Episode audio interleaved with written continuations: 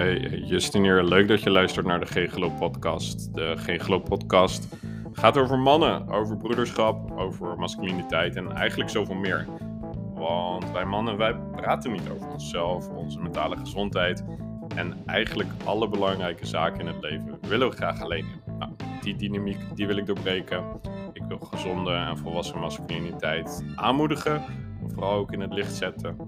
En om die reden vertel ik dan ook vanuit mijn persoonlijke fascinatie en proces eh, verhalen over deze onderwerpen.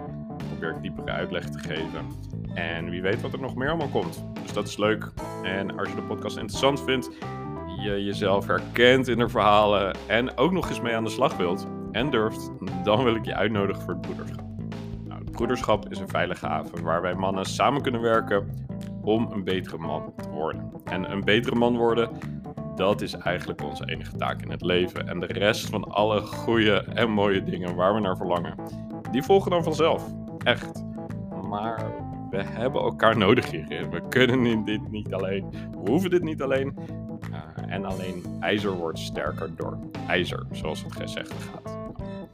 Als je hiervoor klaar bent, als je dit aandurft en je wilt in het diepe springen, ga dan vooral naar broederschap.nu. Dus broederschap.nu. Uh, je kunt hier direct je interesse tonen. Je kunt ook uh, de regelmatige nieuwsbrief aanvragen als je dat wilt. En vergeet je vooral niet te abonneren op deze podcast waar je het ook luistert.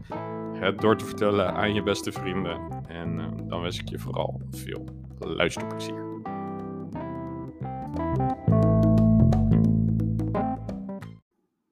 Hey, Justin hier en welkom terug bij de vijfde aflevering van de Geen Geluk podcast. Wederom leuk dat je luistert. Ik hoop dat je de vorige aflevering heel leuk vond. Ik vond het in ieder geval heel leuk om te maken. Ik heb heel veel leuke reacties gehad. Uh, en dat vind ik heel leuk om te ontvangen.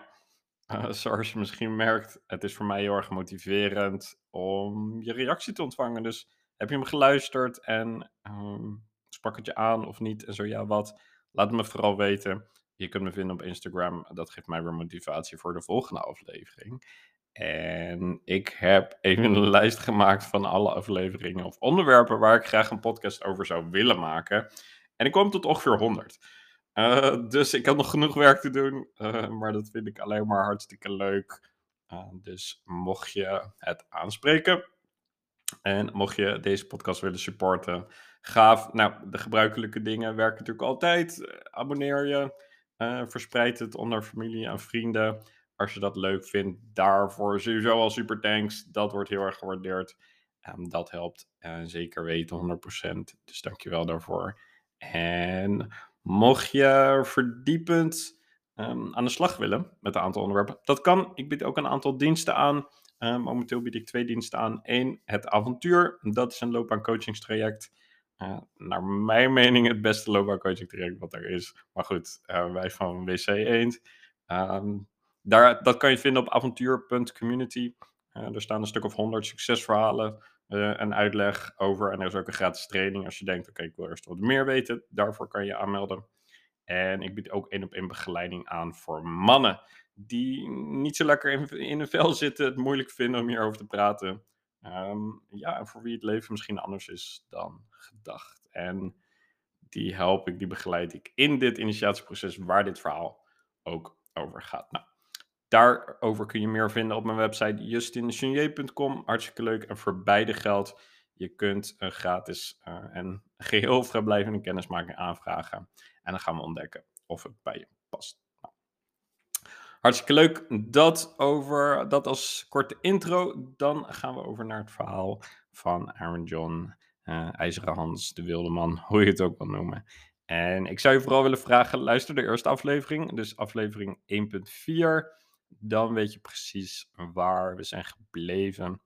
Uh, maar ik zal heel kort in vogelvlucht het verhaal herhalen voordat ik straks uh, het nieuwe deel van het verhaal ga voorlezen. Nou, uh, er was ooit een koninkrijk, zo eh, beginnen natuurlijk de meeste verhalen.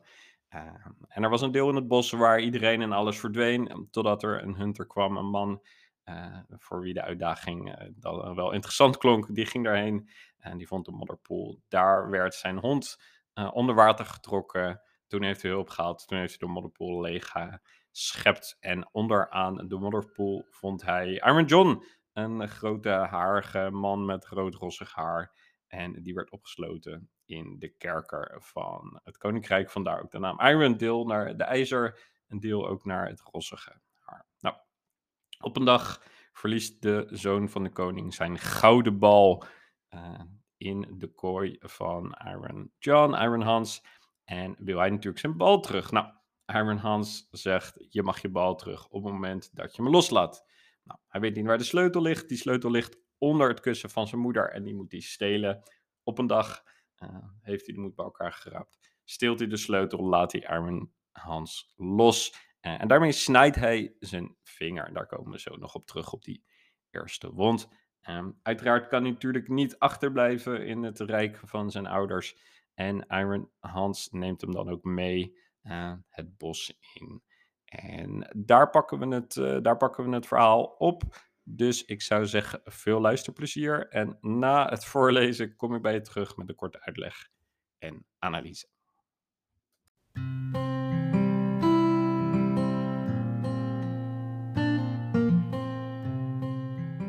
When the king came home, he observed the empty cage and asked the queen how that had happened.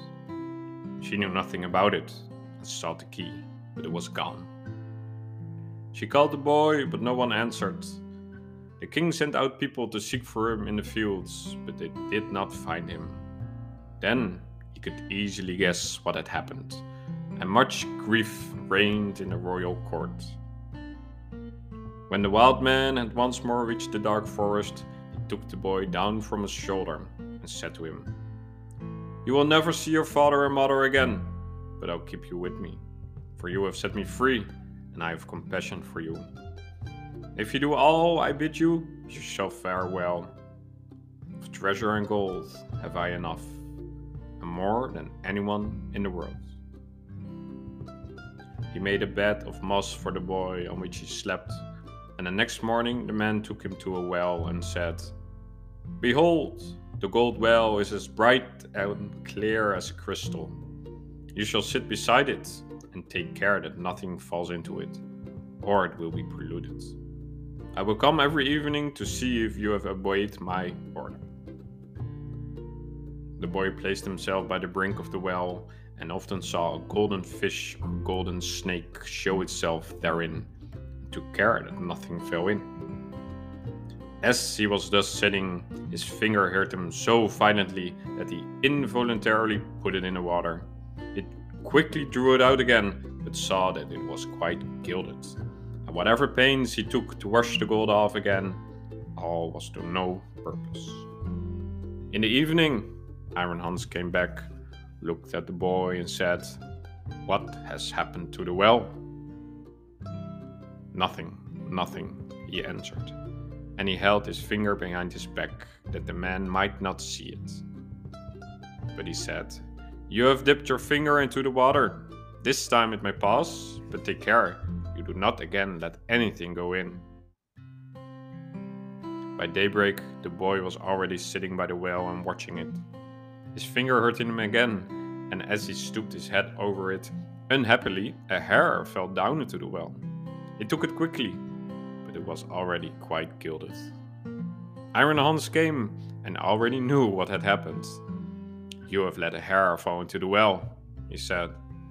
I will allow you to watch by it once more, but if it happens for a third time, then the well is polluted and you can no longer remain with me.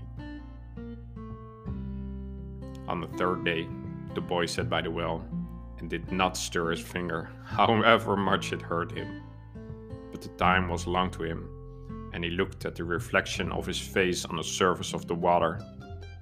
And as he bent down more and more, trying to look straight into his eyes, his long hair fell down from his shoulders into the water. He raised himself up quickly, but the whole of the hair of his head was already golden and shone like the sun. You can imagine how terrified the poor boy was. He took his pocket handkerchief and tied it round his head in order that the man might not see it. When Iron Hans came back, he already knew everything and said, Take the handkerchief off. Then the golden hair streamed forward, and let the boy excuse himself as he might, it was of no use. You have not stood the trial, and can no stay here no longer. Go forth into the world. There you will learn what poverty is. But as you not have had a bad heart, and as I mean well by you, there's one thing I will grant you. If you fall into any difficulty, come to the forest and cry, Iron Hans, and then I will come and help you. My power is great, greater than you think, and I have gold and silver in abundance.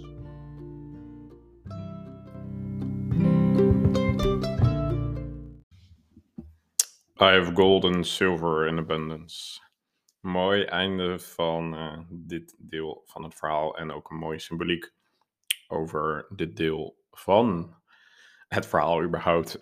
en um, ik kom hier op het einde van, uh, van de analyse nog op terug. Uh, maar het zo, symboliseert mooi wat masculiniteit en initiatie te bieden heeft aan de jongen of aan de man uh, goud en zilver meer dan je misschien aan kan of nodig hebt. Nou. Voordat ik erin duik,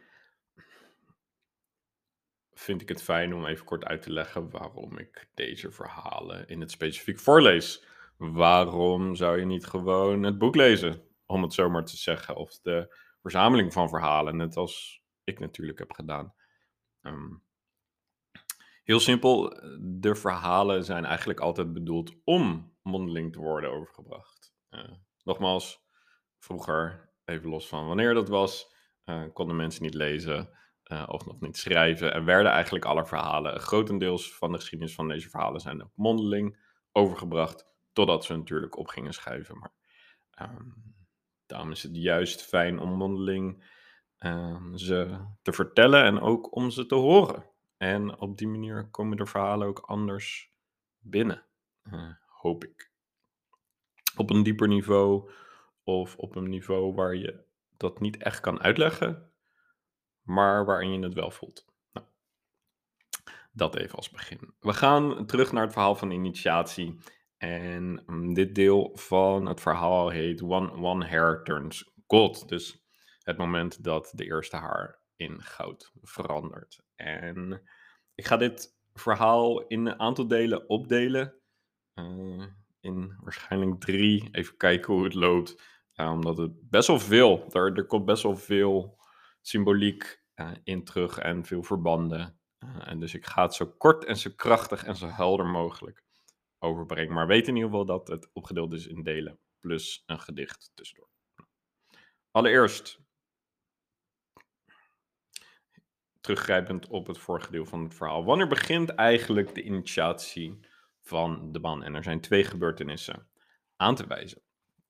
En deze gebeurtenissen zijn één, een scheiding van de moeder. Dus een heldere breek uh, of scheiding of loskomen van de moederwereld. En twee, uh, een wond aangebracht door de man. Of in ieder geval initiatie of een toetreding tot het mannelijke koninkrijk, uh, wat vaak gesymboliseerd wordt door een wond. En deze initiatie, deze rituelen gaan niet altijd vanzelf in de huidige maatschappij, in de huidige cultuur. We zijn dat grotendeels verloren geraakt.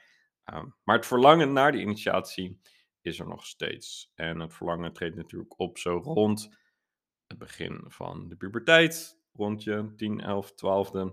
En als de initiatie dus niet gebeurt, dan gebeurt er iets anders. Namelijk puberteit. En je zou zelfs kunnen zeggen dat puberteit um, niks meer is dan een, initia of een verlangen naar een initiatie. En, want wat gebeurt er tijdens de puberteit, of in de puberteit vooral onder jongens, natuurlijk ook onder meisjes, is ze gaan zich afzetten tegen de moeder of jong of meisje gaan zich afzetten tegen de vader. Um, wat symbool staat voor het verlangen om los te breken van de moeder of de vader. Met uh, woede of niet luisteren of whatever andere ongein uithalen. Je weet hoe het werkt. Um, plus, vooral jongens gaat natuurlijk ook gepaard met risicovol gedrag. En het risicovol gedrag is niks meer dan het zelf maar een wond toebrengen. En in plaats van dat er een wond wordt ontvangen, bewust of toege- toegebracht bewust door de mannen, gaan jongens deze wond zelf opzoeken in de vorm van risicovol gedrag. Met de grote kans dat het natuurlijk een keer misgaat, et cetera. Nou. Dus bij gebrek aan initiatie gaan jongens zichzelf maar verwonden. En initiatie is eigenlijk een vervanging hiervoor, voor dat zelf toegebrachte pijn. En eigenlijk ook heel veel verwarring en onzekerheid en uh, het gevoel van je identiteit willen vinden in die puberteit. En eigenlijk alles wat ermee te maken heeft, um, kan vervangen worden. Misschien niet 100% zwart-wit, maar grotendeels ontvangen worden, uh, ondervangen worden. Door een bewuste initiatie, door een bewuste scheiding van de moederwereld uh, en een verwelkoming in de vaderwereld. Nou. En dat begint allemaal met de wond. En in het verhaal merk je ook dat de jongen laat de wilde man vrij uit de kooi en verwondt zijn eigen vinger. En dat gebeurt precies op het moment dat hij dus de wilde man vrijlaat. Eén. En ook gaat hij dus mee op de schouders van de wilman het bos in. Dus twee. Hij verlaat dus het moeder, moederrijk en betreedt het mannelijke rijk. Nou, waar staat deze wond? Dus dat zijn eigenlijk, daar zie je al precies de twee gebeurtenissen, wat het begin van initiatie Nou, waar staat de wond dan symbool voor? Waarom is die wond zo belangrijk? Um, in het verhaal, wat is, de, wat is de wond? Waarom is het zo belangrijk? Wat zijn er verschillende vormen? Dat, dat zal ik kort uitleggen. Maar uh, het belangrijkste is om te onthouden is dat de initiatie aan zich um, helpt de jongen herinneren aan de wond. En geeft het een andere betekenis. En geeft het meer zwaarte en geeft het meer houvast. En helpt het uiteindelijk om niet op te gaan in de wond.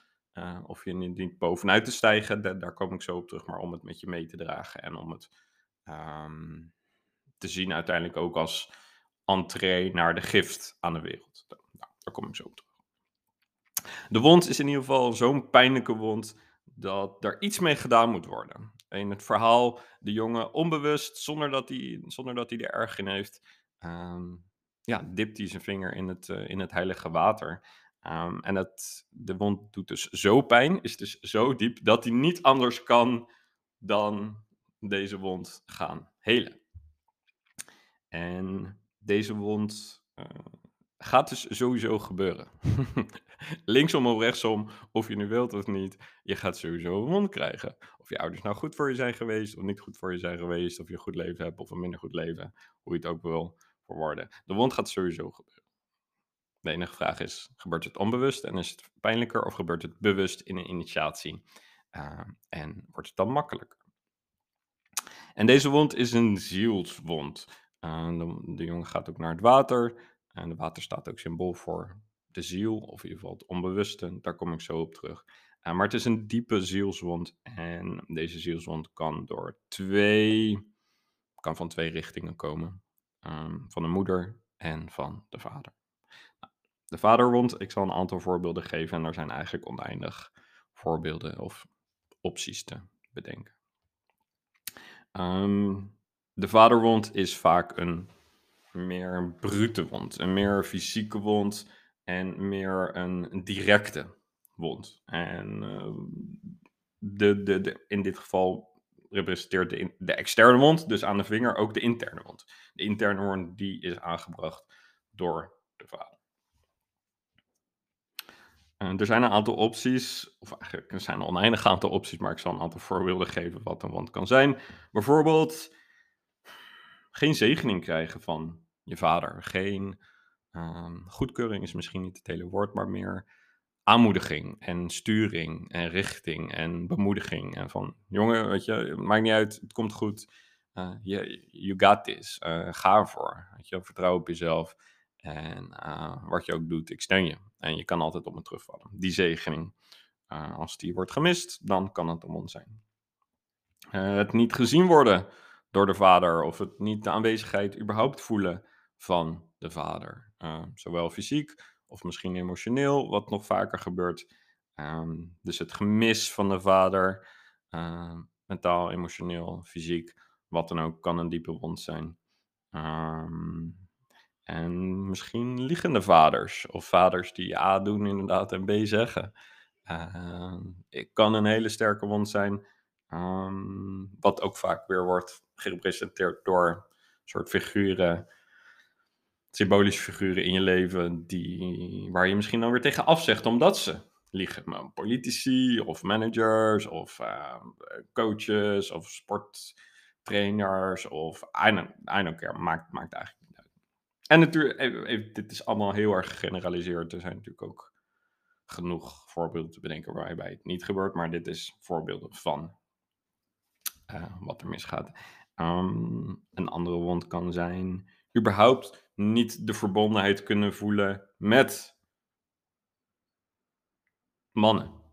Dus met vrienden of met oudere mannen of met je, met je vader. Überhaupt het niet de verbondenheid voelen met andere mannen is ook een wond. En kan een wond zijn diep, diep in je borst. Echt rond, rond het gebied van je hart. En dat, dat, dat is vaak het gebied wat inderdaad ook staat voor een toetreding tot, tot de wereld. Het, het is wat het, het, het bovenste deel van je lijf verbindt met het onderste deel van je lijf, het, het hartgebied. En het is het gebied wat mannen het minst makkelijk vinden om te voelen. En zelfs zo erg dat op het moment dat een jongen of een, man, een jongen niet die welkoming heeft gehad tot de mannenwereld, ook niet dieper kan ademen dan zijn hart. Of dan halverwege zijn borstkas en het, het lastig vindt om echt diep adem te kunnen halen, omdat het daar gewoon stokt, omdat daar een blokkade zit. En dat is in ieder geval voor mij heel erg tekenend geweest. En op dagen dat ik misschien niet lekker in mijn vel zit, voel ik het daar ook. Kan ik ook niet dieper ademhalen dan dat. Um, een andere wond of een, een uiting daarvan is dus ook niet altijd goed kunnen verbinden met je vrienden. En dat, dat, dat merk ik zelf ook. En sommige dagen gaat het natuurlijk beter dan andere, maar uh, de vriendschap onderling, uh, is dat gebouwd op competitie en op grapjes en op, op vermijding? Of is het gebouwd op weet je, trots en, en broederschap en steun en dat soort dingen? En hopelijk in je vriendengroep zijn bijna aanwezig. En soms is het wat meer. En zo'n periode gaat de ene kant op de andere kant op. Maar uh, er zijn genoeg vriendengroepen waarbij er nul, nul steun is. En je hebt die andere kant nodig. Je hebt ook de grapjes nodig. En je hebt ook gewoon vrienden nodig die, uh, die je de waarheid vertellen, 100%. Maar je hebt ook de andere kant nodig. En als die er niet is, of niet makkelijk is, dan kan dat ook een wond zijn. Uh, vanuit de vaderkant. Dus deze vader is veel Vaderwond is veel brutaler, veel fysieker en, en gaat ook uh, in of, voedt zich in een schuldgevoel. Dus als je niet de zegening hebt gehad van je vader, kan het zijn dat je een heel erg schuldgevoel hebt die zich uit in de gedachte van ja, ik, ik ben niet goed genoeg en ik kan het allemaal niet en hoe hard ik ook werk, het is, het is ook nooit goed genoeg. En in, in Afrikaanse stammen zijn er ook, of er is ook een, een verhaal van een Afrikaanse stam. En daarin gaat de jager op jacht met zijn jonge zoon. En na het begin van de dag uh, vinden ze een rat. De vader doodt de rat en geeft de rat aan de jongen mee. Om te bewaren voor de rest van de dag. En de jongen denkt, ja, een rat, daar heb ik niet zoveel aan. Uh, laat maar zitten, ik gooi het gewoon in de borstjes en ik ga weer verder. Maar goed, wat gebeurt er? Einde van de dag hebben ze niks anders gevonden. En uh, de man vraagt aan de jongen, ja, waar, waar is de rat? Dan kunnen we wat eten maken. En de jongen zegt, ja, sorry pa, maar die heb ik in de borstjes gegooid. En uh, de vader wordt zo boos dat hij zijn bel pakt en de, jonger, uh, de jongen en zijn zoon dus een knal verkoopt. En letterlijk onbewust slaat. Buiten, of in ieder geval buiten bewustzijn slaat. En deze fysieke, brute klap uh, kunnen de meeste mannen nog steeds voelen in hun lichaam. Of dat nou op je hoofd is of op je knieën of in je zij of op je schouders of in je borst of waar dan ook. Iedereen weet waar fysiek deze klap van zijn vader um, is geland. En ik, ik voel hem vooral op mijn schouders. een soort van zo net aan de onderkant van mijn nek. Zo bam, weet je wel. Zo net, net tussen je schouders en je nek in. Ehm, en voor, voor iemand anders is het natuurlijk weer een andere plek. Maar deze brute schuldgevoel, klap, brengen vaders onbewust toe. Of ze nu willen of niet. En we hebben natuurlijk ook een moederkant. En de moederskant is veel subtieler. Uh, gaat veel meer indirect, uh, gaat veel meer emotioneel gezien en speelt veel meer in op de schaamte van uh, de jonge jongen. En uit zich vaak in, weet je, zou je dat nou wel doen? Of weet je het zeker? Of zou je niet gewoon de veilige weg kiezen? Of kies voor zekerheid? Of... Het is veel meer subtieler. En, en de moeder is natuurlijk ook op, naast de goede kant of de, gezonde kant van de moeder, heeft elke moeder ook een, misschien een ongezonde kant. De, de kant die de jongen klein wil houden en in, onder haar rok wil houden. En, en, en een bepaalde macht en ergens ook invloed. En, en er zit natuurlijk ook een spanning van seksualiteit onder. En um, die is veel subtieler, veel meer als een soort wolk, deken een, een, een, soort van bubbel, die, bubbel van schaamte die om je heen hangt. Die niet direct je vinger erop te leggen is, maar je wel altijd voelt. En dit gevoel van schaamte komt dus vooral vanuit de moeder. moeder. Nou, er zijn nog honderd andere wonden te bedenken. Waarschijnlijk gaat er wel een lampje branden als je dit hoort. En deze wonden, die ja, verrichten allemaal schade, om het zo maar te zeggen. Um, en in eerste instantie, op het moment dat we, dat we klein zijn, het een schade aan, ik weet niet of schade het goede woord is, maar een, een teniet doen van onze grandioosheid. Als kind denken we dat we ergens de god zijn, of prins of prinses, en denken we dat de wereld om ons draait. En um, hebben we het ook nodig om naar de aarde te worden gebracht. We kunnen niet blijven leven in het sprookje van dat we prins of prinses zijn. Uh, maar er zit ook een andere laag van grandioosheid die wel gegrond is en die wel um, iets waardevols bij te dragen aan de wereld. En die twee spanningen tussen de gezonde, ongezonde grandioosheid of de volwassen of onvolwassen grandioosheid, beide worden vaak teniet gedaan door deze vader en moeder. En ondanks dat we de ongezonde nodig hebben, gaat dus de gezonde of de volwassen kant ook hiermee teniet. Nou, en blijven we dus, of dragen we dus die wond met ons mee, tenzij we er iets aan doen.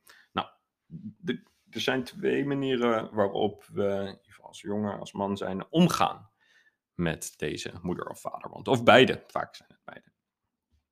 Nou, de, eerste is om toch te proberen om boven de wond uit te stijgen. Uh, dus toch te zoeken naar die ongezonde of onvolwassen vorm van grandioosheid. En dat uit zich vaak heel erg in perfectionisme of heel erg hard werken of heel erg proberen te compenseren voor iets. En uh, weet je wel, extern ehm, heel erg het materialisme, weet je wel, grote huizen en auto's en geld verdienen en status en carrière. Ehm, en dat, het kan zelfs extreem doorschieten het moment dat je dit herkent in een, in een, in een verslaving. Uh, in, in een, het zoeken van. Of de beweging is naar boven, om het zo maar te zeggen. Dus je verliezen in uh, hogere sferen, of je verliezen in een soort trance en, en, een, en, een, uh, en ook een betovering. Je, het voelt alsof je in het trance, daarom heet de muziek van trance ook trance of trance, hoe je het ook wel noemen. Omdat je als je daarin zit, wat een heel lekker gevoel is, ook heel veilig is. En er is ook een, uh, ondanks dat het leuk is en ook een vorm van afleiding of stoom afblazen, kan er ook een vorm of een deel in zitten wat het, wat het fijn vindt om even uit te stegen boven alle sores en boven alle pijn en, en te ontsnappen aan de werkelijkheid. En het kan ook zijn in, in gamen, of het kan ook zijn in spiritualiteit, of intellectualiteit, of in uh, maakt niet uit. Eigenlijk alle hoofdzaken, eigenlijk alle zaken waarbij er boven iets uit wordt gestegen. En dat is dus een ontsnapping. Dat is echt een ontsnapping uit de wond en een ontkenning dus van de wond. En daarom is de grap, uh, bijvoorbeeld van Finding Nemo, of überhaupt van ja, denial, oké, weet je, ontkennen dus de wond op het moment dat we deze, boven deze wond proberen uit te stijgen. Ehm, de andere kant, en het is niet helemaal voor het wit, maar deze richting wordt vaak iets meer veroorzaakt door de moederwond. Uh, want ik schaam me, dus ik mag er niet zijn, dus ik ga heel erg hard werken en ik ga heel erg dat perfectionisme. Als op het moment dat ik heel veel geld verdien, dan is het goed, maar het blijft altijd leeg voelen. En wat je ook doet, het is nooit goed genoeg. Of je hebt nooit die voldoening, of je hebt nooit de, de zingeving, of de rust, of het, het punt waar je naar verlangt, of waar je eigenlijk naar ontsnapt, komt nooit. Dus mannen hebben heel erg de neiging om ergens naar een punt toe te ontsnappen, maar hoe hard ze ook werken, 15, 20, 30 jaar lang, dat punt komt nooit, hoe hoog ze ook in de boom zitten, welke hoge CEO ze misschien ook wel of niet worden of rockstar. Er komt nooit een punt van rust, van zingeving, van voldoening, van betekenis, zolang het een ontsnapping is uit deze wond. De andere kant, die vaak wordt, meer wordt veroorzaakt door de vaderswond, um, nogmaals, het is niet 100% zwart, is meer de, de depressieve kant, om het zo maar te zeggen. De, het in de wond zakken en daarin blijven hangen. Uh, veel meer het slachtoffergevoel, uh, ergens het fijn zijn om ziek te zijn en het fijn zijn om hierin te blijven hangen. En oké, ja, het doet wel pijn, maar dan weet ik in ieder geval wat de pijn is. En, en dat voelt ook ergens veilig en vertrouwd. En um, ja, zolang ik maar hierin ben, dan hoef ik niet de werkelijkheid van de wereld aan te kijken. En dat is.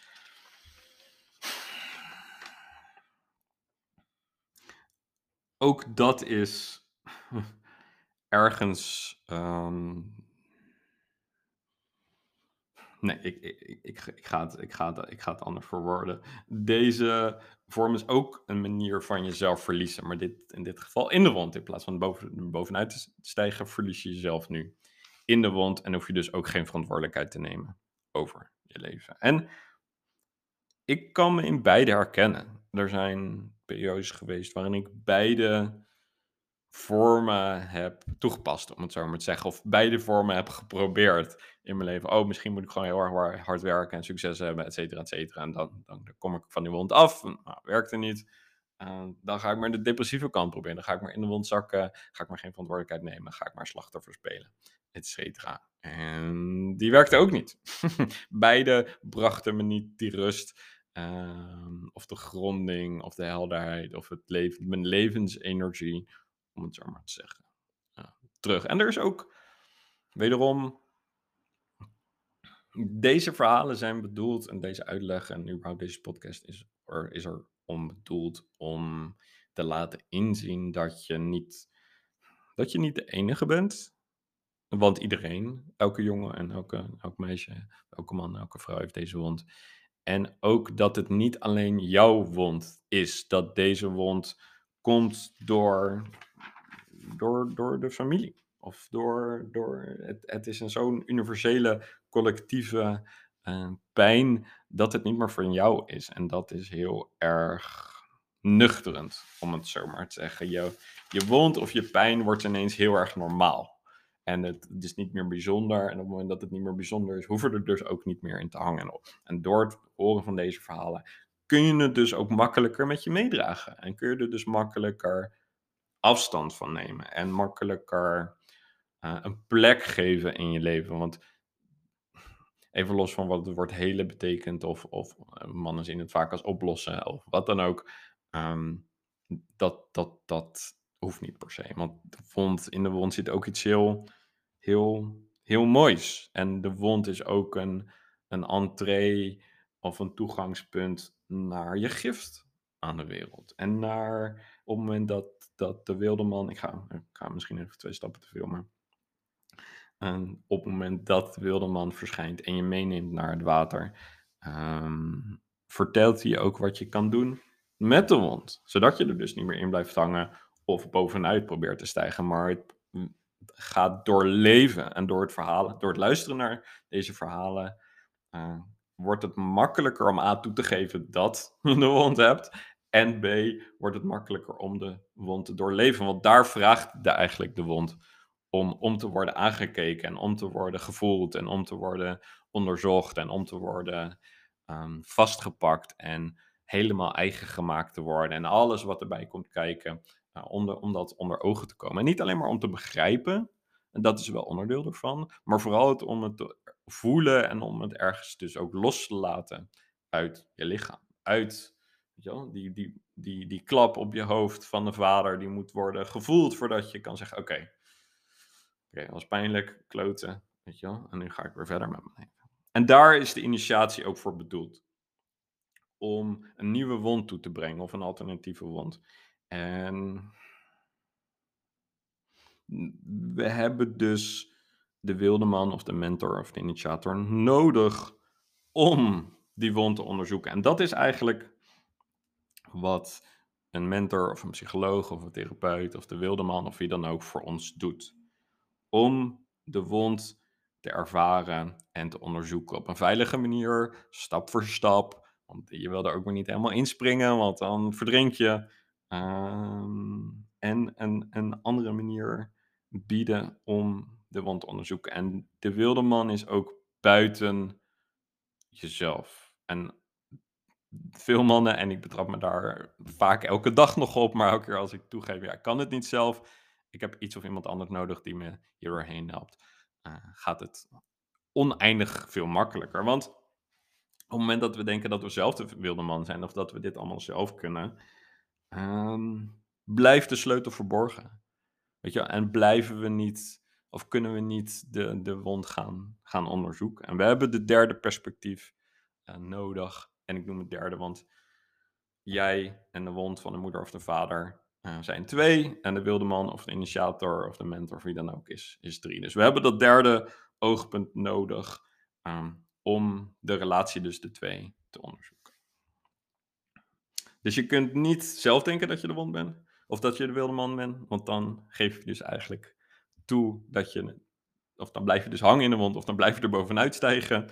Uh, en um, ja, het, het lastige is dat mannen liever doodgaan dat ze, ik zeg dat mannen gaan liever dood dan dat ze toegeven dat er iets mis met, met ze is. En dit is geen verwijt, want dit, ik ben zelf daar net zo schuldig, is niet het goede woord, maar ik doe er zelf net zo hard aan mee. En het is ook, ook weer oké om je daar weer niet schuldig over te voelen. Of daar je weer niet over te schamen. Want dan blijf je dus hangen in de wond. Op het moment dat je denkt, oh ja, maar inderdaad, oh, weet je wel. En dan gaat het rildeltje en dan blijf je dus hangen in de wond. In de wond en in de schaamte en de schuld. Dus dat is oké. Zolang je maar toegeeft aan jezelf, oh, ik heb een wond en hm, misschien wordt het eens tijd om dat te onderzoeken. Want wat gebeurt er als je het wel doet? Nou, dan gebeuren er drie dingen, dat ga ik in de volgende deel beschrijven. En dat is één, het heilige water verschijnt. Uh, twee, de, de zonne-energie en het goud kan het lichaam betreden. En drie, uh, je ontdekt hoe de wond een gift is aan de wereld. Dat voor dit eerste deel over de uitleg over de wond. Dan een kort gedicht en dan ga ik zo verder met deel 2.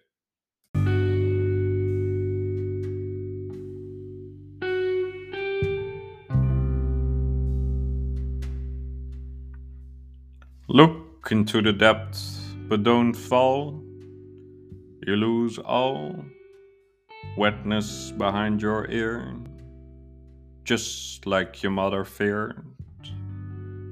And she wept Oh, my son is gone, and he will become a man. For I am a mother no more, just some woman.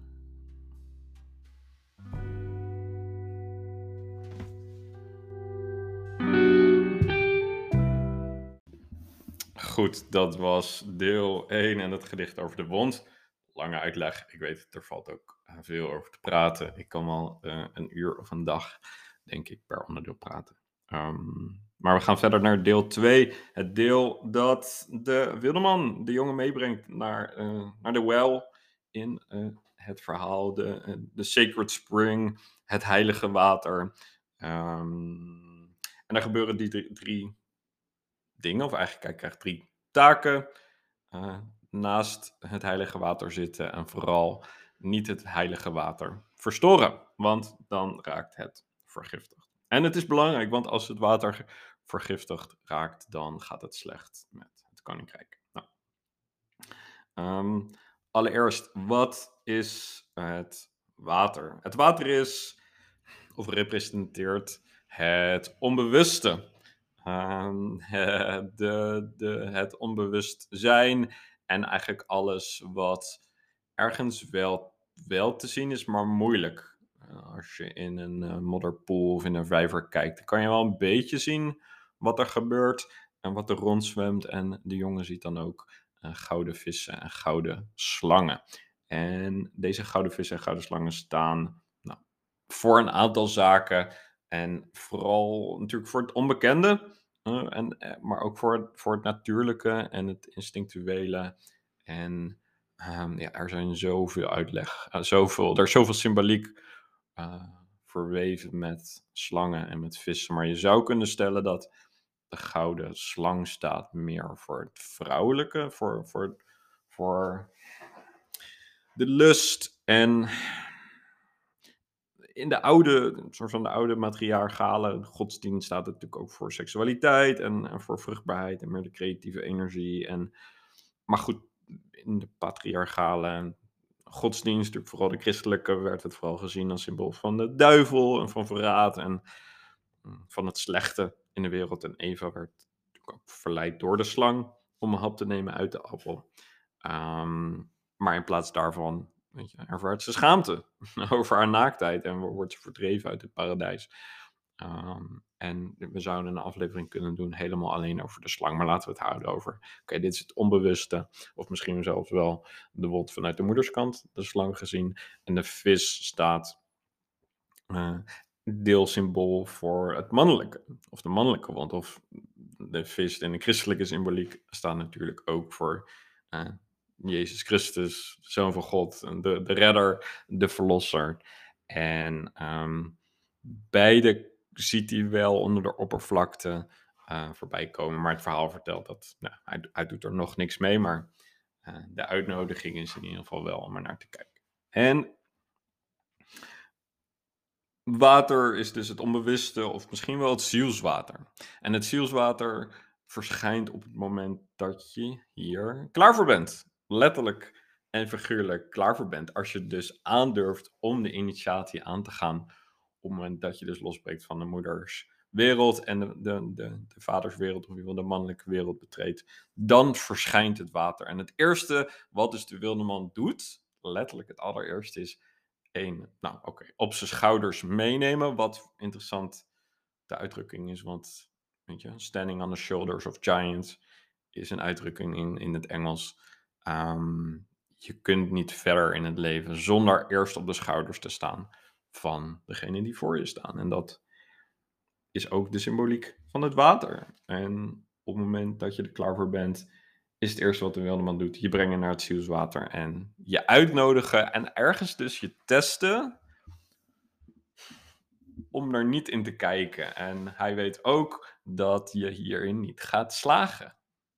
Want op het moment dat de jongen zijn vinger onbewust de pijn zo diep in het water uh, uh, of gelijk in het water houdt en er gelijk weer uithaalt, achter zijn rug uh, verschuilt. Um, en de wilde man komt terug, weet hij direct wat er aan de hand is, want hij is niet gek, hij weet precies, hij weet donders goed wat hij aan het doen is. Dus het is een uitdaging om het niet te doen, maar daarmee weet hij ook dat je het sowieso wel gaat doen. En het, hetzelfde geldt voor, voor ons. Op het moment dat we een initiatie uh, aangaan en ons losbreken, uh, kan het niet anders dat je je zielswater, dat je in je on onbewuste gaat kijken hoe hard ook je best doet en hoe hard je daar ook voor wegrent. Uh, het gaat gebeuren. En wederom is dit een, onver, weet je, een onvermijdelijk iets in het deel van initiatie. En is het puur de vraag, oké, ga ik hier bewust mee om? Ga ik bewust dit proces in? Of ga ik hopen dat het, dat het niet gebeurt? Ga ik boven de wond uitstijgen? Etcetera. Genoeg over gepraat. Uh, mij gaat het dus op een pijnlijke manier gebeuren. Op een manier die misschien veel meer schade toebrengt aan mezelf, mijn eigen leven.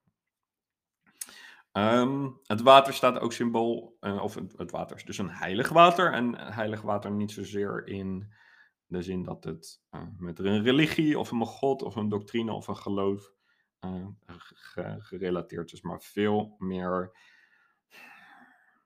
dus de zielswater. En ben je bereid om te gaan stoeien met, met dit zielswater of met je, met je on, onbewuste? En op het moment dat je het water met rust laat, gebeurt er niet veel. Is het, is het vlak. Maar op het moment dat je het wel doet, creëer, komen er allemaal golven. Je hoeft alleen maar je vinger erin te dippen. En er ineens ontstaan er allemaal golven. En komt er modder naar boven. En, en dat. En is het dus eigenlijk een uitnodiging om actief te zijn met je ziel. En met je onbewuste. En met je intuïtie. En om maar mee te spelen en om steeds dieper te gaan en om steeds verder te gaan. En dat is ook bij de eerste vinger en dan zijn haar en dan helemaal zijn haar. Nou, daar kom ik zo terug. Nou, zijn ogen gaat in kijken. Ehm, en ook een uitnodiging of ergens ook een distanciering van, hey, oké, het water en onbewuste staat voor de wond, uh, maar je, bent, je staat daarnaast. En, en hoe lang kan je het volhouden of wat ben je bereid om dus te gaan spelen met het water? En steeds meer, steeds meer. Ehm, en dan, dan gebeuren er mooie dingen. En um, ik heel even, heel even verder uh, zoeken. De, het water is dus een uitnodiging om je ziel en om je onbewuste en om je wonden aan te kijken. En het is ook dus een taak en een uitdaging vanuit de wilde man om dat te doen in een soort heilige setting. Hij, hij zet de jongen naast het water en hij gaat zelf weg. Om zodat die jongen de tijd en de ruimte geeft en de veiligheid om het te doen. Maar dan komt hij wel weer terug. En heeft hij iets over te zeggen. En een nieuwe uitdaging. Gaat hij weer weg. En dat hebben jongens ook nodig. Aan de ene kant de, de begeleiding van de mentor en de uitnodiging en de, en de aanmoediging. Maar tegelijkertijd zelf de veiligheid en de ruimte. Om dus zelf die verantwoordelijkheid te nemen voor deze, deze taak. Ehm, dan gaan we naar het. Dus dat is het eerste wat, wat gebeurt: de uitnodiging om het water verschijnt. Het tweede is, gaat over uh, het goud wat verschijnt. Want oké, die jongen uh, die slaagt niet in zijn taak, uh, dipt zijn vinger en zijn vingertop wordt goud. Nou, allereerst, waarom goud? En dit is, dit is de eerste dag. Um, goud? Nou, de goud staat dus ook voor levendigheid en de uh, zonne-energie en, en de, de, de vrijheid of de onsterfelijkheid en um, het zelfgenererende vermogen. De zon bestaat voor ons gevoel oneindig. Uh, en daar zit oneindig veel energie in verscholen. En goud, ook de gouden bal, die was verloren in de kooi, komt nu weer terug. Oh, de, eerste taak en het eerste, de eerste beloning eigenlijk van je uh, je ziel of je onbewuste onderzoeken is: hey, je krijgt gelijk je goud terug. Heel klein. Heel klein beginnen, later steeds meer en steeds meer. Maar hey, daarin zit, daarin zit het goud op het moment dat je dat aandoet. En de wilde man maakt dus ook een belofte ergens van hey, een herontdekking met het goud wat er eigenlijk altijd is geweest. En uh, de gouden banden leefbaarheid die je bent verloren, die kunnen we dus weer terugvinden door je onbewust aan te kijken. En niet door hard te werken. En niet door slachtoffer te spelen. En niet door in het rijk van je moeder te blijven. En niet door heel veel geld te verdienen. En niet door alle andere dingen waar we ons vaak in verliezen als mannen. Of blijven verliezen. Maar juist door de wond te, onderzoeken. Ehm, nou, mythologisch zijn er ook heel veel uh, verwijzingen naar, naar goud, bijvoorbeeld in, in Egypte. Je, Horus was ook de zonnegod of de gouden god uh, in het Grieks-Romeinse verhaal. Um, werd er gesproken over de demon, de D-A-I-M-O-N van de familie. Dus de demon van een familie. Um, wat vaak het zaadje was voor de gift van een man. En dat werd in de Grieks-Romeinse tijd de, de genius, of de genius, de G-E-N-I US bij man of de Juno J-U-N-O bij de vrouw genoemd. Dus in het verhaal of in de uh, overlevering van de demon van een familie, daarin ook, zit ook de gift voor een man en ook dus de gift voor de vrouw. Wat interessant is, want vaak daar, nou, daar kom ik zo op terug. Ik ga nu even twee stappen te ver. Daar kom ik zo op terug. Psychologisch gezien is het, uh, het brengen van de wilde man naar uh, zijn onbewuste dus ook een uitnodiging. En niet een oplossing van oké, op het moment dat je je vinger in je onbewuste doopt, dan, dan is het klaar. Maar veel meer een bevestiging van de kracht en een aanmoediging van de moed. En ook een soort voeding van het goud en het water is ook heel erg voedend voor de man. En het doel is dus niet per se het oplossen of het hele, maar veel meer de kracht vinden om elke keer en de moed vinden om elke keer weer deze wond onder ogen te komen, je eraan helpen te herinneren, met je mee te dragen en, en uiteindelijk om te draaien naar een gift. Ehm, en interessant is dat ook. Um, nee, daar, sorry, daar kom ik zo op. Ik ga weer twee stappen te ver. Ehm, de aanwezigheid van de man geeft dus ook een hint aan de gift. Aan dus ons genius, aan, aan het gouden, aan onze gouden vingers. En je ziet dit goud of de gift aan de wereld ook terug in, in zoveel. En in het Duits mooi dat vingerspitsengevoel, als ik het goed uitspreek. Uh, gevoel. Ik zal het vast een beetje verbasteren, maar je snapt wat ik bedoel. Dat, dat gevoel van magie. Dat gevoel van magie wat je ervaart als je naar een live muzikant luistert. Of als je een schilderij ziet waardoor je wordt verroerd. Of dat je een sporter ziet op de Olympische Spelen die op het toppen van zijn kunnen, op het top, vingertop, toppen van zijn kunnen presteert. Ehm, of misschien een ondernemer of een manager die heel goed is in zijn werk en het bedrijf zo net op het toppen van zijn kunnen weet je wel, laat, laat, laat presteren. Of een, uh, of een coach die je echt weet je, dat gevoel laat opzoeken en je ergens uitnodigt om je gift dus te onderzoeken. En een goede trainer of coach of mentor of wilde man of wat dan ook, is ook niet meer en niks meer of niks anders dan je aanmoedigen en dat randje, dat goud, die magie, die gift die je in je hebt, opzoeken en daar kennis mee laten maken en je dat steeds meer en meer en meer eigen maken. En initiatie is dus wederom niet het uitstijgen boven de wond of het verdrinken in de wond, of je laan meestal wel door de wond, maar vrijwillig en in een veilige setting, in een rituele setting, kennis laten maken met de wond en daarmee je gift terugvinden. Nou. En dat is ook de enige manier waarop we überhaupt onze gift kunnen ontdekken. Dus we kunnen hard werken, maar dan komen we er niet achter. Je moet, je moet hier induiken en dat is letterlijk de enige manier om je gift te ontdekken.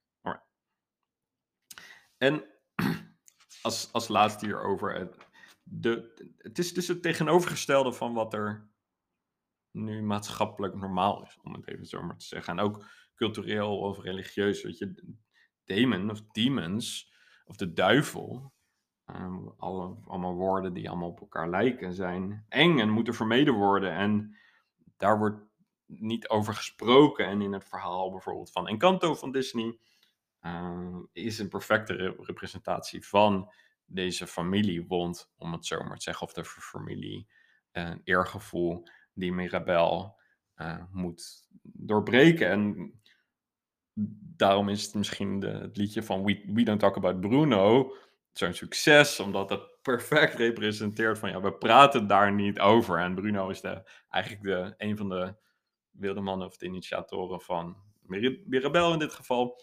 Uh, Mirabel toch? Ja, volgens mij wel. Um, daar praten we niet over, want hey, Bruno weet iets.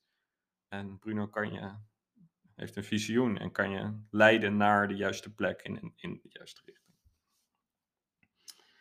Um, dus dat over uh, het, dat het zo interessant is dat we zo ver zijn afgeweken in onze maatschappij van de initiatie van de man en ook voor de vrouw, vrouw Brandage initiatie. Uh, terwijl we het tegenovergestelde eigenlijk nodig hebben. En dat is ook een van de redenen waarom ik überhaupt deze podcast maak. Dat ik überhaupt met dit werk nou, bezig ben. Nou. We kunnen nog heel even stilstaan over wat en dit is eigenlijk best wel belangrijk. Wat is een in onze huidige tijd misschien een gevoelig onderwerp, maar wat is, wat is, wat is de, eh, de gender of de seksen van, uh, van het water?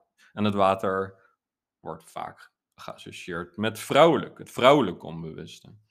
Um, maar ergens in de afgelopen paar honderd jaar zijn we vergeten dat het water en het aardse ook mannelijk is. Er wordt heel vaak gesproken over de moeder aarde, om het zo maar te zeggen. En uh, dat de vader in de lucht is. Wel? Sky Daddy. Uh, in plaats van andersom.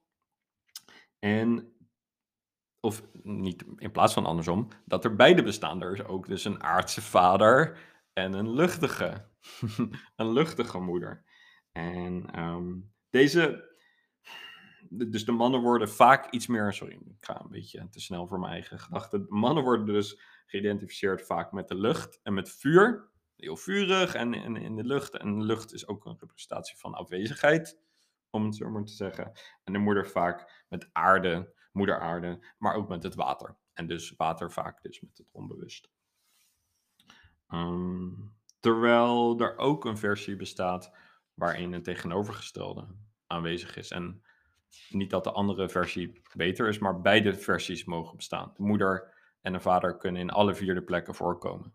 Dus zowel de lucht, het water, de aarde als het vuur heeft een vrouwelijk aspect en een mannelijk aspect. En wat mannen vaak nodig hebben, en het verhaal van Aaron John is eigenlijk pre-moderne tijd, pre-Griekse tijd, weet je wel, pre-christelijke tijd, Um, daarin wordt de, de, de Iron John, de wilde man, gevonden in de modderpool. Dus modder is aarde, pool is water. En juist deze beweging hebben mannen ook nodig om juist af te zakken in hun eigen lichaam en in hun eigen ziel en in hun eigen leven. En die gronding en die, die verbinding met de aarde en de verbinding met de ziel en de bescherming van en de voeding van de aarde en uh, de rust die en de stevigte die te vinden is op de aarde, maar ook in het water. Want in het water voedt, omdat het water is, hebben we nodig, maar het water geeft ook ons, of uh, sorry, de aarde geeft ook ons eten. Dus geeft ons ook voeding. Dat hebben we nodig. Dat, dat is ook de beweging die grotendeels je ziet in het verhaal van Armin John. Hij begint in het kasteel, of misschien wel in de kasteeltoren, uh, zakt af naar de courtyard, uh, weet je gaat dan verder het bos in, gaat dan verder het water in en je ziet uh, eigenlijk de afzakking, de beweging van hoog naar laag. En mannen zijn ook geneigd om te ontsnappen naar boven toe. Dus in hoofdse zaken. Of een hoofdse zaken is echt in je hoofd leven. En daar alles wat daarmee te maken is, dus spiritueel of intellectueel of, of politiek of werk of geld of status. Nou, whatever. Of zelfs nog, nog hoger, meer in het spirituele, spirituele um, boven jezelf uitsteken, het lichte, die trans uh, opzoeken en in de wolken eigenlijk leven in een soort droomwereld. En begrijp me niet verkeerd, dat is ergens ook nodig. En mannen hebben het nodig om een hele lichaam te leren kennen. En die beweging naar boven uh, is ergens ook oké. Zolang het maar gecompenseerd wordt, of in ieder geval zolang de beweging naar beneden ook gebeurt. Want anders ben je wederom afgesloten van de onderste laag van je lichaam. Mannen hebben het nodig om te zakken en met hun voeten op de aarde te staan.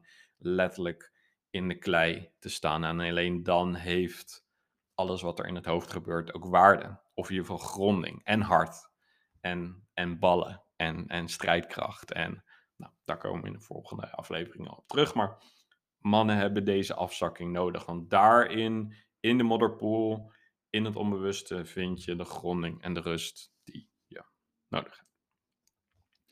Alright, dat was deel 2 dan een kort gedicht en dan gaan we over naar deel 3.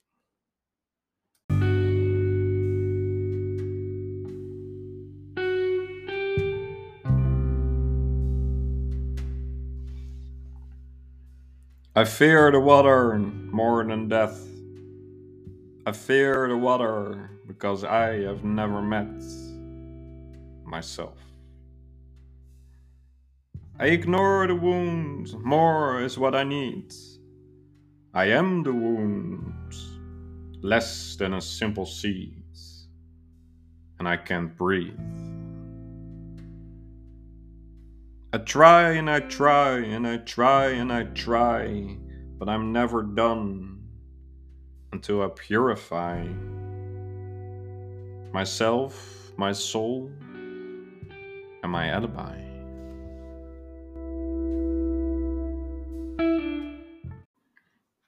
Alright, welkom terug bij deel 3 van het verhaal. We zijn aangekomen bij uh, de tweede dag pas. We zijn al een uur bezig, maar ik zal dit deel uh, kort proberen te houden. De tweede dag uh, in verhaaltijd. In de echte tijd kan dit wel een jaar zijn, of tien jaar, of wie weet hoe lang het ook is. En op de tweede dag um, doet de jongen wederom zijn best om niks in het heilige water te laten vallen. Um, maar helaas uh, gebeurt er toch dat een van zijn haren loskomt van zijn hoofd en in het water valt. Haalt hem er gelijk uit, maar wederom probeert het te verstoppen, maar Aaron John ziet dat uh, er een haar in het water is gevallen. En zegt, dit is de laatste keer dat ik het toelaat, bij de derde keer dan moet je toch echt het bos verlaten. Nou. Wederom uh, kleurt de haar goud en deze keer ligt de nadruk vooral op het haar. Of op een, een, een haar na de vinger. En de associatie met haar is vrij sterk en er zijn een hoop associaties ook te maken. Um, allereerst de wilde man zelf natuurlijk uh, is een behaarde man uh, en staat symbool voor het wilde dierenleven eigenlijk ergens. En alles wat in de natuur uh, gebeurt en de verbinding met de aarde en het water en het mos en alles wat daarbij komt kijken. En wederom is dit een uh, verlaging van de energie of een, afdaag, een afdaling van de energie naar dus een aardse uh, connectie. En er zijn nog vier andere, maar het punt van, van, deze, van deze vier, vijf uh, relaties is dat de jongen leert dat de associatie met het haar goed is. En dat als de haar uh, wordt toegelaten in het water, uh, dat die dan goud wordt. Ehm, dus daar kom, ik, daar kom ik zo op terug. Maar de jongen leert, oké, haar is goed. Terwijl je zal merken, bijvoorbeeld bij het volgende punt, haar staat ook vaak voor seksuele energie. Voor, voor rauwe en, en natuurlijke en ergens ook seksu seksuele uh, of sensuele bedoel ik. Uh, en dus allesomvattend seksuele energie. En dat wordt vaak ingebracht uh, of in connectie gebracht ook met schaamte. Dat we daar ons voor moeten schamen, die seksuele energie. Of alles wat daarmee te maken heeft. En vandaar ook het woord schaamhaar. Wat rond de edendelen groeit. En blijkbaar is dat haar en alles wat daar dus is, iets om ons voor te schamen. Dus noemen we het schaamhaar. Interessant. Um, als derde, de, zou je kunnen zeggen, een vorm van temperament. Of, of, of, of creativiteit of spontaniteit. Of we kennen allemaal het beeld van de, de, de vrolijke jongen of meisje die met zijn wilde haren uh, in het rond aan het huppelen is. Of aan het springen is of aan het rennen is. Of er, er is een vorm van passie of energie of energiek verbonden met haar. En wederom, de jongen leert, hey, dit is goed. Ook seksuele energie is dus goed. Verbinding met de aarde, dat is allemaal goed. Um, en er is ook een vorm van overdaad. En overdaad. Als er, er is niet, we hebben, als er ergens een haar groeit, dan is het er niet één. Dan zijn het tegelijk duizenden. om het zo maar te zeggen. Uh, waar, waar dat dan ook gebeurt.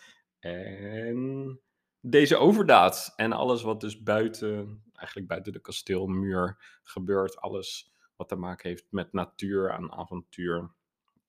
En, en overdaad. En soms dus ook misschien zelfs chaos. Uh, want een haar kan ook in de klit zitten en ook een chaos zijn. Uh, maar een jongen leert, hey, dit is, dit is goed, dit hoort eigenlijk allemaal bij, uh, bij het leven. En als vijfde, um, de gedachten groeien natuurlijk. Haar kan ook symbo symbolisch zijn voor de gedachte die uit het hoofd groeit. En, en daarmee ook de dromen, of misschien wel samenvattend op een, op een dieper niveau, alles uh, samenpakkend, een vorm van intuïtie. Het is een inzicht of een verlangen of een roeping of een, een fantasie of een droom of een onderbuikgevoel um, die je niet echt kan plaatsen, maar die vaak wel klopt. En het verhaal vertelt dus ook, hey, op het moment dat je dus je haar wat bovenop je hoofd groeit, eigenlijk in connectie maakt met je ziel, wat dus laag is en in dit geval in het water, en dan gebeuren er mooie dingen. Dan krijg je dus goud ervoor terug. En water bevindt zich dus lager in het lichaam, vooral rond het tweede chakra. Um, even heel kort door de bocht, maar. Uh, dat is eigenlijk de moraal van het verhaal. Van hey, op het moment dat je je intuïtie uh, volgt, dan gebeurt er dus iets in het water, gebeurt er iets in het onderbewuste wat het in beweging zet. En als dank daarvoor, als beloning, komt er dus goud uh, terug. En als je dus niet do niks doet, dan gebeurt er ook niks. en het Disney, wederom een Disney film Soul, als je die nog niet hebt gekeken, zeker een aanrader, is ook een verhaal waarin de man uh, zijn spark, zijn gouden spark eigenlijk uh, probeert te vinden. En nou, in dit geval is die uh, in de vorm van muziek. Nou, ik wil eigenlijk niet het hele verhaal vertellen als je de film nog niet hebt gezien. ga hem vooral kijken, maar dit is een mooi, mooie symboliek die hier terug te zien is. Um, wederom, interessant detail is dat het is dus een opgave. Een opgave om iets niet in het water te laten vallen, maar het gebeurt wel. En op het moment dat het gebeurt, wordt de jongen toch beloond. Dus ondanks dat hij valt, wordt hij elke keer beloond. En gaat het dus veel meer om niet per se wat je nou, niet, niet, per se wat je wel of niet doet, dat, dat, dat, dat klopt niet. Maar het gaat veel meer om de discipline en om de moed en om uh, de kracht om deze initiatie aan te gaan, om, om deze taak aan te gaan, ongeacht de uitkomst. En dat, gelukkig genoeg, werkt ook het perfectionisme uh, tegen. Als we alleen maar een taak kunnen doen met de hoop dat het perfect loopt, dan nou, of we beginnen er niet aan of we werken ons de dood in, om het zo maar te zeggen. Uh, en dit is een mooie tussenweg. Maar je moet er wel beginnen, ongeacht wat er gebeurt, je wordt sowieso beloond. En dan gaan we door naar de derde dag. En dit keer is het niet de vinger uh, of uh, het haar, um, maar de ogen die, die, de, die het heilige water opzoekt.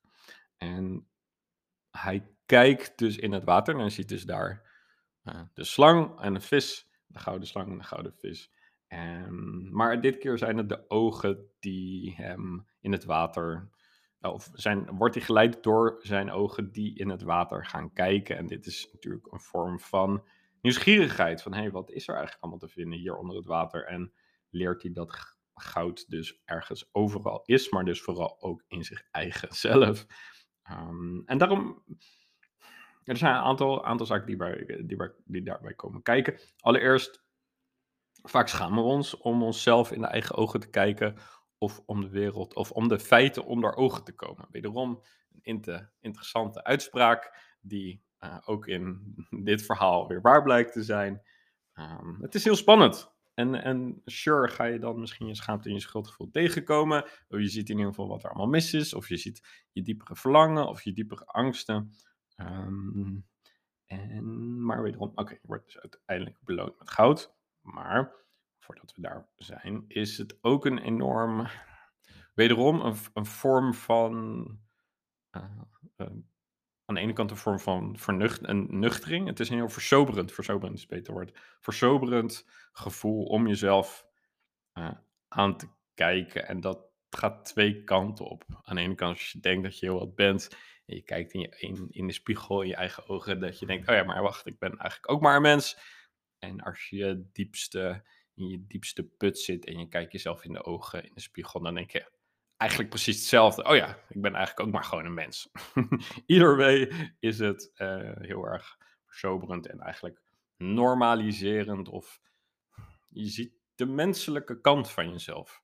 En dat is denk ik het sterke eh, hieraan. En um, in de spiegel zien we dan ook meer dan, misschien waar dan ook, meer dan in andere. Uh, en we zien natuurlijk ook de uh, schaduwkant van onszelf. Nou, daar wil ik een hele aparte aflevering over doen, over de schaduwkant. Daar is zoveel over te vertellen. Ehm, dat, dat bewaar ik voor een andere keer. maar het, het bewustzijn wat er uit voortkomt, dat is uiteindelijk een soort verborgen, verborgen doel van de initiatie. Het expliciete doel is, hey, je gaat het bos in en je gaat een taak doen en je gaat naar uh, nou, alle taken die hierna nog volgen. Maar onbewust of in, ondirect wordt de jongen dus meer bewust van zichzelf. En is de natuur dus ook een spiegel. Doordat hij in de natuur is, of de natuur aan zich fungeert als spiegel naar hemzelf, waardoor hij zich bewuster wordt van zichzelf en dus ook wakker wordt, tussen aanhalingstekens, en zich ook meer uh, bewust wordt van de mannelijke en de masculiniteit. Daar, daar kom ik zo op terug. Nou, je zou dus ergens kunnen stellen dat de initiatieproces of eigenlijk de natuur een vorm van intelligentie bezit. Alleen, want hij, deze natuur brengt een vorm van bewustzijn. Um, alleen het is niet een menselijke vorm van bewustzijn of intelligentie of um, wat dan ook, maar je kan er eigenlijk niet echt een woord aan geven, want hoe, weet je, hoe noem je het dat een zaadje in de grond gaat groeien? Is dat intelligent? Nee, dat is niet helemaal het juiste woord.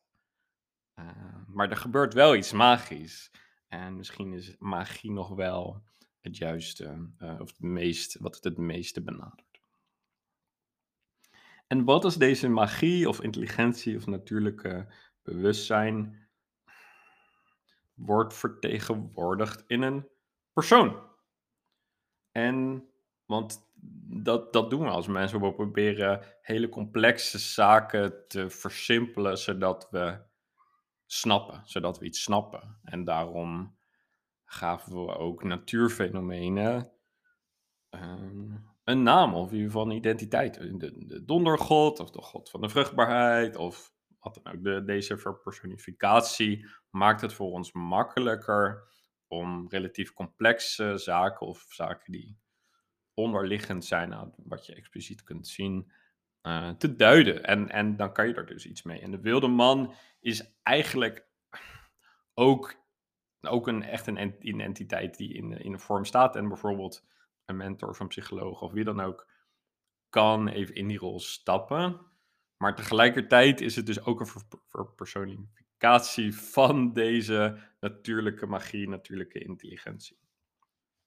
Um, en biedt hij dus ook een relativiteit aan, aan zijn eigen proces. Want mocht de wilde man er niet zijn, dan kan het zo zijn dat die jongen in, de, in, in het heilige water kijkt en verliefd wordt op zichzelf, zoals Narcissus dat deed en eindeloos naar zichzelf kan kijken en denkt, oh wat ben ik mooi, oh wat ben ik prachtig.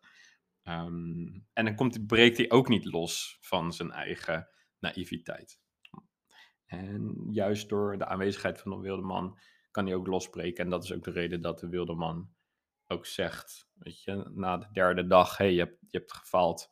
Uh, want dat is wat er gebeurt. Hij kijkt in de ogen, maar hij komt te dicht bij het water. En wat er gebeurt, is zijn haar valt uh, voorover uh, in het water. En zijn hele haar wordt goud. En dat staat misschien weer symbool voor het bemachtigen van een diepere wijsheid.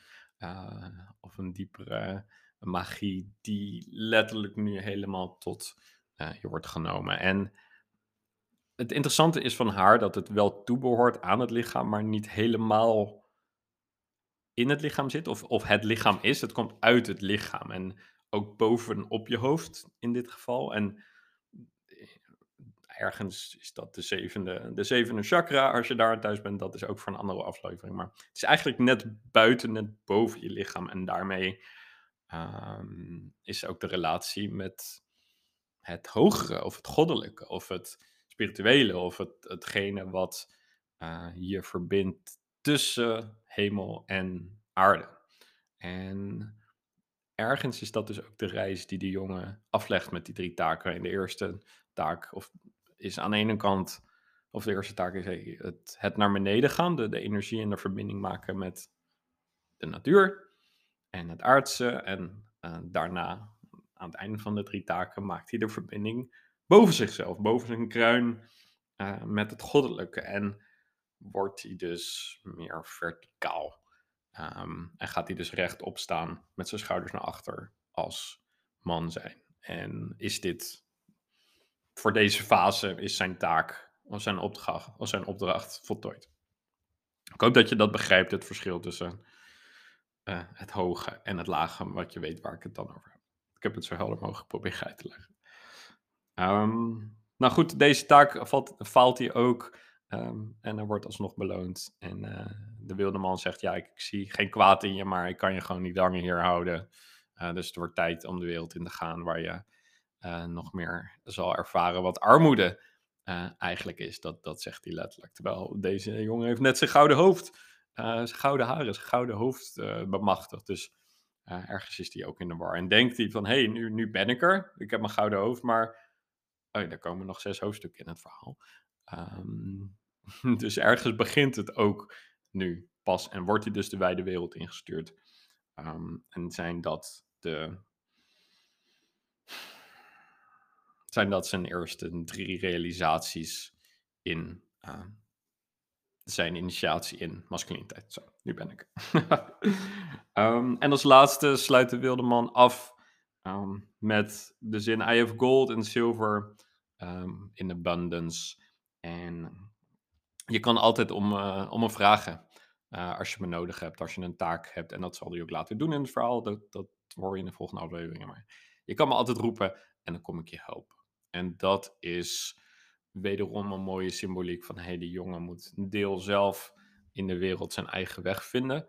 Maar wel altijd met de zekerheid en de veiligheid en ergens de bescherming en de support en de hulp van uh, de mentor of de, de wilde man. Um, of wie dan ook die, hem, die, er, die er voor hem is. En um, niet alleen in goud en zilver letterlijk, maar ook figuurlijk laat de wilde man eigenlijk zien van hé, hey, er is heel veel te halen in je initiatie naar masculiniteit, naar volwassenheid. En daar is heel veel overdaad en er is heel veel rijkdom en er is heel veel diepgang. En, en hiermee bedoelt hij dus innerlijke rijkdom en innerlijke diepgang en innerlijke schoonheid uh, te vinden in het zijn van een man. En dat, en meer dus dan alleen maar in het vleeselijke, in het materiële van werk en spullen en huis en uh, uh, vrouwen of wat dan ook. Dat, dat, komt, allemaal, dat komt allemaal later. Uh, maar hey, besef je eens hoe rijk en hoe warm en hoe mooi en hoe diepgaand je eigenlijk bent als man. En hey, we zijn pas bij uh, deel 2 en we hebben nog zes hoofdstukken te gaan. Dat is mijn toevoeging wel. Maar, en dat vind ik zelf een, een van de meest interessante of meest waardevolle lessen en inzichten. En, en ergens ook hetgene wat me misschien wel het meeste drijft. Van hey, er is zoveel schoonheid en rijkdom en diepgang te vinden in masculiniteit en in het volwassen man, de gezonde volwassen man uh, zijn. Daarvoor heb je al die andere dingen niet nodig. Sterker nog, daar zul je nooit vinden waar je naar verlangt. Goed. Nou, lijkt me een mooie om uh, deze aflevering uh, mee af te sluiten. Heel erg bedankt voor het luisteren. Ik hoop dat je het goed hebt kunnen volgen. Het was een lange aflevering. Ik ga proberen volgende wat korter te maken. Um, Onthoud, uh, wil je me supporten of vind je het leuk? Abonneer je dan vooral, verspreid het woord onder familie en vrienden. Stuur het naar die ene vriend waarvan je denkt dat hij het nodig heeft. Um, en natuurlijk bied ik je ook mijn diensten aan. allereerst ehm, ik het avontuur aan. Dat is een loopbaancoachingstraject. Dat is um, voor sommigen een hele veilige en laagdrempelige manier om te starten. Dat doe ik al vrij lang. Dat zit super strak in elkaar. 100 plus succesverhalen. En als je interesse hebt, um, dan kun je een vrijblijvende kennismaking aanvragen. De link staat, uh, als het goed is, onder deze podcast. Uh, mocht je man zijn en mocht je dit initiatieverhaal aanspreken, uh, mocht je niet lekker in je vel zitten, vel zitten, mocht je denken, hey, waarom is mijn leven anders dan ik had gedacht? Of wat moet ik hier eigenlijk mee? Of ik voel me leeg van binnen? Of nou, wat dan ook, mocht je ergens in herkennen, mocht je nieuwsgierig zijn en hier dieper in willen gaan en enige handvaten en begeleiding van mij in uh, ervaren, dan ben je ook welkom om een keer kennis te maken. Uh, de eerste sessie is gratis en vanaf daar kunnen we kijken of, uh, of het een goed idee is. Cool. Alright, nogmaals super bedankt voor het luisteren. Hartstikke leuk. Laat me vooral weten wat je ervan vindt. Je kunt me het beste een berichtje sturen op Instagram. slash justin.junier of stuur me gewoon een mailtje justinjunier.gmail.com. Dan kom ik bij je terug. Cool, thanks. Maak wat moois van en tot snel.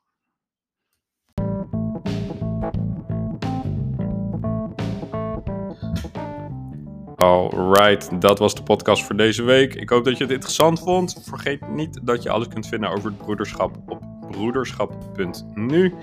En vergeet je vooral natuurlijk niet te abonneren op deze podcast en het door te vertellen aan je vrienden. Nou, hartstikke bedankt voor het luisteren en dan spreek ik je volgende keer.